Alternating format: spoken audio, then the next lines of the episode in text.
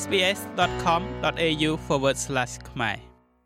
ការស្នើសុំដំឡើងប្រាក់បៀវត្សអាចមានអារម្មណ៍ថាភិតភ័យសម្រាប់បុគ្គលិកកម្មករជាច្រើន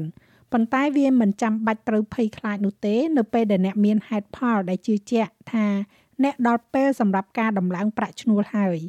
មានវិធីជាច្រើនដែលអាចជួយអ្នកត្រៀមខ្លួនសម្រាប់ការសន្ទនាបែបនេះជាមួយនឹងនយោជករបស់អ្នក មិនថាអ្នកធ្វើវារួមគ្នាជាមួយនឹងមិត្តរួមការងារឬក៏ធ្វើតែម្នាក់ឯងនោះទេ នៅប្រទេសអូស្ត្រាលីវាអាស្រ័យទៅលើកន្លែងធ្វើការរបស់អ្នកតែការទទួលបានការដំឡើងប្រាក់ឈ្នួលអាចជាសិទ្ធិស្របច្បាប់របស់អ្នកទោះបីជាច្បាប់តាក់ទងទៅនឹងការដំឡើងប្រាក់ឈ្នួលមានភាពខុសប្លែកគ្នាទៅតាមកន្លែងធ្វើការក៏ដោយ កិច្ចសន្យាការងារជាធម្មតាគូបញ្ជាក់ពីពេលវេលាដំឡើងប្រាក់ឈ្នួលជាផ្នែកមួយនៃការត្រួតពិនិត្យការអនុវត្តប្រចាំឆ្នាំរបស់នយោជិកប៉ុន្តែបុគ្គលិកកម្មករអាចចរចាដំឡើងប្រាក់បៀវត្សរបស់ពួកគេក្នុងពេលណាមួយក្នុងនាមខ្លួនឯង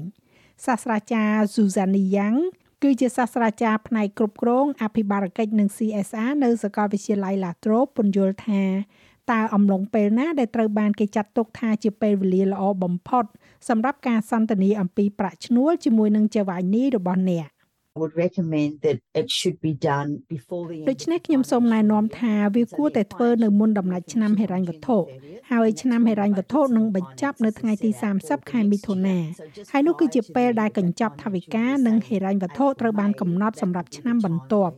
នៅមុនដំណាច់ឆ្នាំហិរញ្ញវត្ថុនោះចូលនិយាយនៅក្នុងខែមេសាដល់ខែឧសភានោះគឺជាពេលដែលអ្នកនឹងស្នើសុំកិច្ចប្រជុំមួយដើម្បីពិភាក្សាអំពីការដំឡើងប្រាក់ខែជាសក្តានុពលដូច្នេះវានឹងត្រូវបានធ្វើឡើងនៅក្នុងកញ្ចប់ថវិកាសម្រាប់ឆ្នាំបន្ទាប់ការដំឡើងប្រាក់ឈ្នួលប្រចាំឆ្នាំរបស់បុគ្គលិកកម្មករម្នាក់ក៏អាចជាសិទ្ធិស្របច្បាប់របស់ពួកគេផងដែរ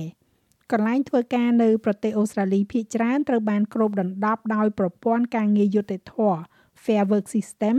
ដែលជាបណ្ដុំនៃច្បាប់ស្តីអំពីការការពារនៅកន្លែងធ្វើការថ្នាក់ជាតិទាំងនេះរួមបញ្ចូលអត្រារង្វាន់ដែលកំណត់ប្រាក់ឈ្នួលអបបរមាស្របច្បាប់សម្រាប់និយោជិកក្នុងឧស្សាហកម្មនិងមុខអាជីពជាក់លាក់និយោជិកដែលគ្របដណ្ដប់ដោយប្រព័ន្ធប្រាក់រង្វាន់មានសិទ្ធិទទួលបានការដំឡើងប្រាក់ឈ្នួលអបបរមាប្រចាំឆ្នាំរបស់ពួកគេ ដោយដែលបានសម្រេចដោយគណៈកម្មការការងារយុតិធធបន្ទាប់ពីការចរចារបស់សហជីពកន្លែងធ្វើការដែលមានកិច្ចព្រមព្រៀងសហគ្រាសដែលយើងហៅថា Enterprise Agreement ក៏មានបទបញ្ញត្តិសម្រាប់ការដំឡើងប្រាក់ឈ្នួលអបបរមាស្របច្បាប់ផងដែរកិច្ចព្រមព្រៀងទាំងនេះគឺជាលទ្ធផលនៃការចរចារវាងបុគ្គលិកកម្មករតំណាងរបស់ពួកគេនិងនយោជក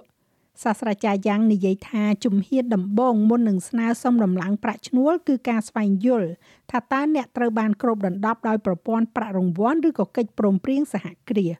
ហើយគ្មានអ្វីរារាំងអ្នកពីការចរចាការដំឡើងប្រាក់ឈ្នួលលើសពីប្រាក់ឈ្នួលអបបរមាដែលអ្នកមានសិទ្ធិស្របច្បាប់នោះទេ so they can negotiate a pay rise for ដូច្នេះពួកគេអាចចរចាអំពីការដំឡើងប្រាក់ឈ្នួលសម្រាប់អ្វីអ្វីជាច្រើន ពួកគេអាចចរចាលើការបង់ប្រាក់រង្វាន់ឬកិច្ចសន្យាលើសពីកិច្ចព្រមព្រៀងចរចាសហគ្រាសឬពួកគេអាចចរចាការផ្លាស់ប្ដូរចំណាត់ថ្នាក់ក្នុងទួលនីតិរបស់ពួកគេប្រសិនបើពួកគេធ្វើលើសពីអ្វីដែលការពិពណ៌នាក្នុងទួលនីតិបានចែងហើយនោះប្រហែលជាអនុញ្ញាតឲ្យពួកគេទទួលបាននៅប្រាក់ឈ្នួលកើនឡើង យោងទៅតាមអ្នកជំនាញផ្នែកធនធានមនុស្សលោកស្រី Karen Gately មនុស្សជាច្រើនយល់ថាមិនសូវស្រណុកចិត្តនៅក្នុងការសុំឡើងប្រាក់ខែឬក៏ដំឡើងឋានៈនោះទេនិយោជិកដែលមកពីមជ្ឈដ្ឋានកន្លែងធ្វើការដែលមានវប្បធម៌ផ្សេងផ្សេងគ្នាថែមទាំងអាចយល់ឃើញថាវាគឺជារឿងមិនសមរម្យឬក៏បំពានទៅលើអំណាចរបស់បុគ្គលម្នាក់ដែលមានមុខតំណែងខ្ពស់ជាងនេះផងដែរ ទោះជាយ៉ាងណាក៏ដោយលោកស្រីនិយាយថាវាគឺជារឿងសំខាន់ដែលត្រូវនិយាយនៅពេលដែលអ្នកជឿថាការដំឡើងប្រាក់ខែគឺចាំបាច់មានសុពលភាពឬអាចទទួលបាន Some employers don't want to give people more នយោជកខ្លះមិនចង់ផ្ដល់ប្រាក់និងសិទ្ធិបន្ថែមដល់បុគ្គលិកទេ ហើយពួកគេនឹងនិយាយថាទេប៉ុន្តែវាមិនមែនដោយសារតែជាការស្នើសុំដែលមិនសមហេតុផលនោះឡើយ ប្រសិនបើអ្នកពិតជាសមនឹងទទួលបានប្រាក់រង្វាន់បន្ថែមទៀតសម្រាប់ការចូលរួមចំណែករបស់អ្នកនោះតាមវប្បធម៌នោះគឺជាការសាកសួរដែលអាចទទួលយកបាន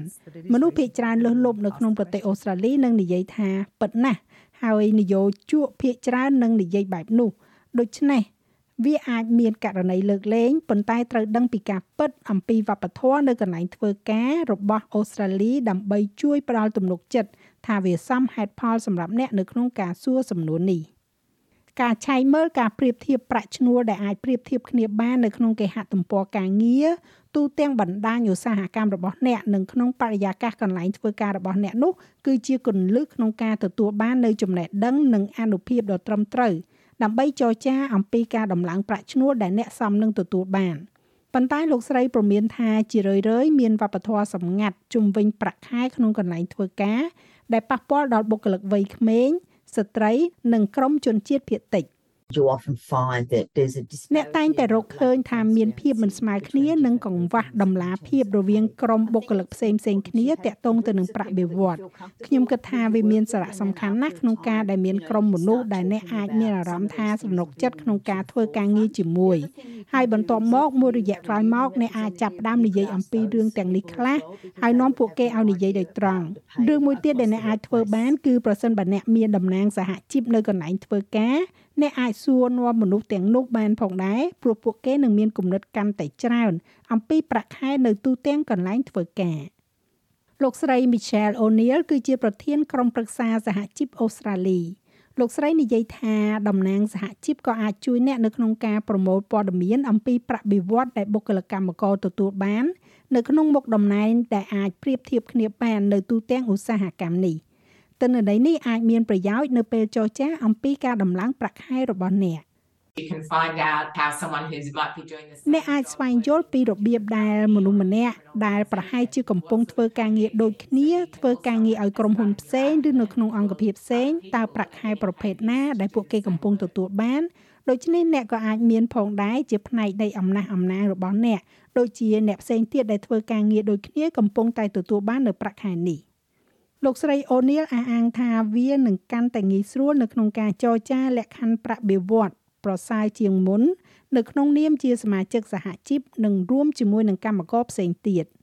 even if your workplace hasn't had an agreement ទោះបីជាកន្លែងធ្វើការរបស់អ្នកមិនទាន់មានកិច្ចព្រមព្រៀងពីមុនមកក៏ដោយអ្នកអាចចូលរួមជាមួយនឹងកម្មករផ្សេងទៀតនៅក្នុងសហជីពដើម្បីនិយាយថាយើងចង់ចរចាកិច្ចព្រមព្រៀងសម្រាប់អ្នកគ្រប់គ្នាដែលធ្វើការនៅទីនេះ នោះគឺជាវិធីល្អបំផុតនៅក្នុងការទទួលបានការដំឡើងប្រាក់ខែវាតែងតែពិបាកជាងនេះទៅទៀតនៅពេលដែលវាជាលក្ខណៈបុគ្គលអ្វីដែលផុសតាំងបង្ហាញគឺថាសមាជិកសហជីពនៅក្នុងប្រទេសអូស្ត្រាលី ជាមធ្យមត្រូវបានផ្ដល់ប្រាក់ឈ្នួល312ដុល្លារក្នុងមួយសប្តាហ៍ច្រើនជាងអ្នកដែលមិនស្ថិតនៅក្នុងសហជីពលោកស្រីអូនីលបានផ្ដល់អនុសាសន៍ថាមុននឹងស្នើសុំដំឡើងប្រាក់ឈ្នួលជាលក្ខណៈបុគ្គល បុគ្គលិកកម្មករដែលជាសមាជិកសហជីពក៏អាចស្វែងរកការគ្រប់គ្រងពីសហជីពរបស់ពួកគេដើម្បីជួយពួកគេក្នុងការត្រៀមខ្លួនផងដែរសហជីពអាចផ្ដល់ការណែនាំនិងធនធានដើម្បីជួយដល់បុគ្គលិកកម្មកររុករកដំណើរការប្រកបដោយប្រសិទ្ធភាព I think it's always important to be well prepared ខ្ញុំគិតថាវាតែងតែមានសារៈសំខាន់នៅក្នុងការរៀបចំត្រៀមខ្លួនឲ្យបានល្អហើយនោះគឺជាអ្វីដែលសហជីពអាចជួយអ្នកបាន ដូច្នេះការគិតអំពីអ្វីដែលជាអំណះអំណាងនិងឧទាហរណ៍អីបែបនោះតើការដំឡើងប្រាក់ខែរបស់អ្នកជាលើកចុងក្រោយនៅពេលណារបៀបដែលការងាររបស់អ្នកអាចនឹងផ្លាស់ប្ដូរដូច្នេះប្រសិនបើអ្នកមានទំនួលខុសត្រូវកាន់តែច្រើនអ្នកកំពុងធ្វើការខុសម៉ោងការងាររបស់អ្នកកាន់តែលំបាកអ្នកបានរៀនជំនាញថ្មីថ្មីឡាទោះជាយ៉ាងណាក៏ដោយអ្នកមិនចាំបាច់ជាសមាជិកសហជីពដើម្បីសុំដំឡើងប្រាក់ខែនោះទេ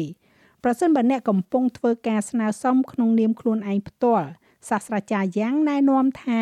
អ្នកផ្ដោតការពិភាក្សារបស់អ្នកទៅលើគុណតម្លៃដែលអ្នកកំពុងតែនាំយកមក But I'd be really focusing the ខ្ញុំពិតជាផ្ដោតទៅលើការជជែកវែកញែកជុំវិញអ្វីដែលអ្នកអាចសម្រេចបានក្នុងការងាររបស់អ្នកដើម្បីរកមើលប្រភេទនៃផុសតាំងដែលអ្នកមាន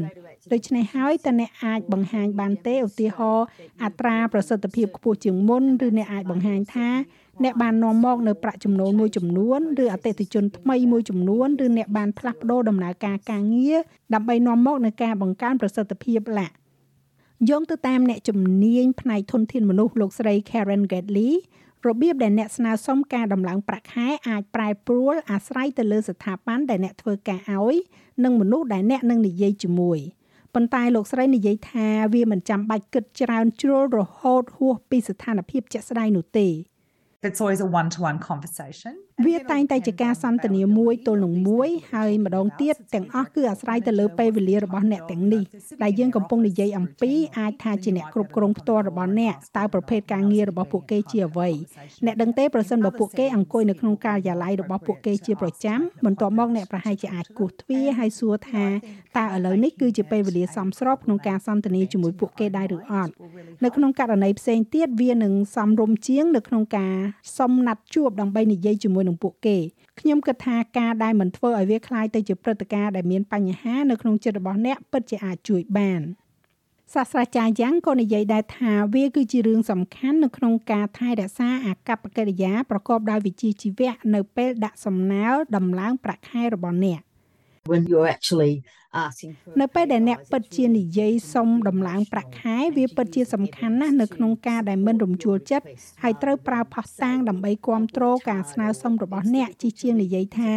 មែនហើយខ្ញុំបានប្រឹងប្រែងធ្វើការឬក៏ជួបការលំបាកដោយសារតែ CPI វាគឺពិតជាស្ដីអំពីការធ្វើឲ្យប្រកាសថាអ្នកបានទទួលផុសតាងទាំងនោះហើយអ្នកកំពុងបង្ហាញវាក្នុងលក្ខណៈដូចជាអាជីវកម្មដើម្បីបង្ហាញពួកគេថា អ្នកកំពុងកែលម្អនិងខិតខំប្រឹងប្រែងសម្រាប់អង្គភាពឬក៏ក្រុមហ៊ុននេះចាស់ហើយរបាយការណ៍នេះចងក្រងឡើងដោយ Zoe Thomaidu ហើយប្រាយសម្រួលសម្រាប់ការផ្សាយរបស់ SPS ខ្មែរដោយនាងខ្ញុំហៃសុផារ៉ានីចូលចិត្តអ្វីដែលអ្នកស្ដាប់នេះទេ Subscribe SBS ខ្មែរនៅលើ Podcast Player ដែលលោកអ្នកចូលចិត្ត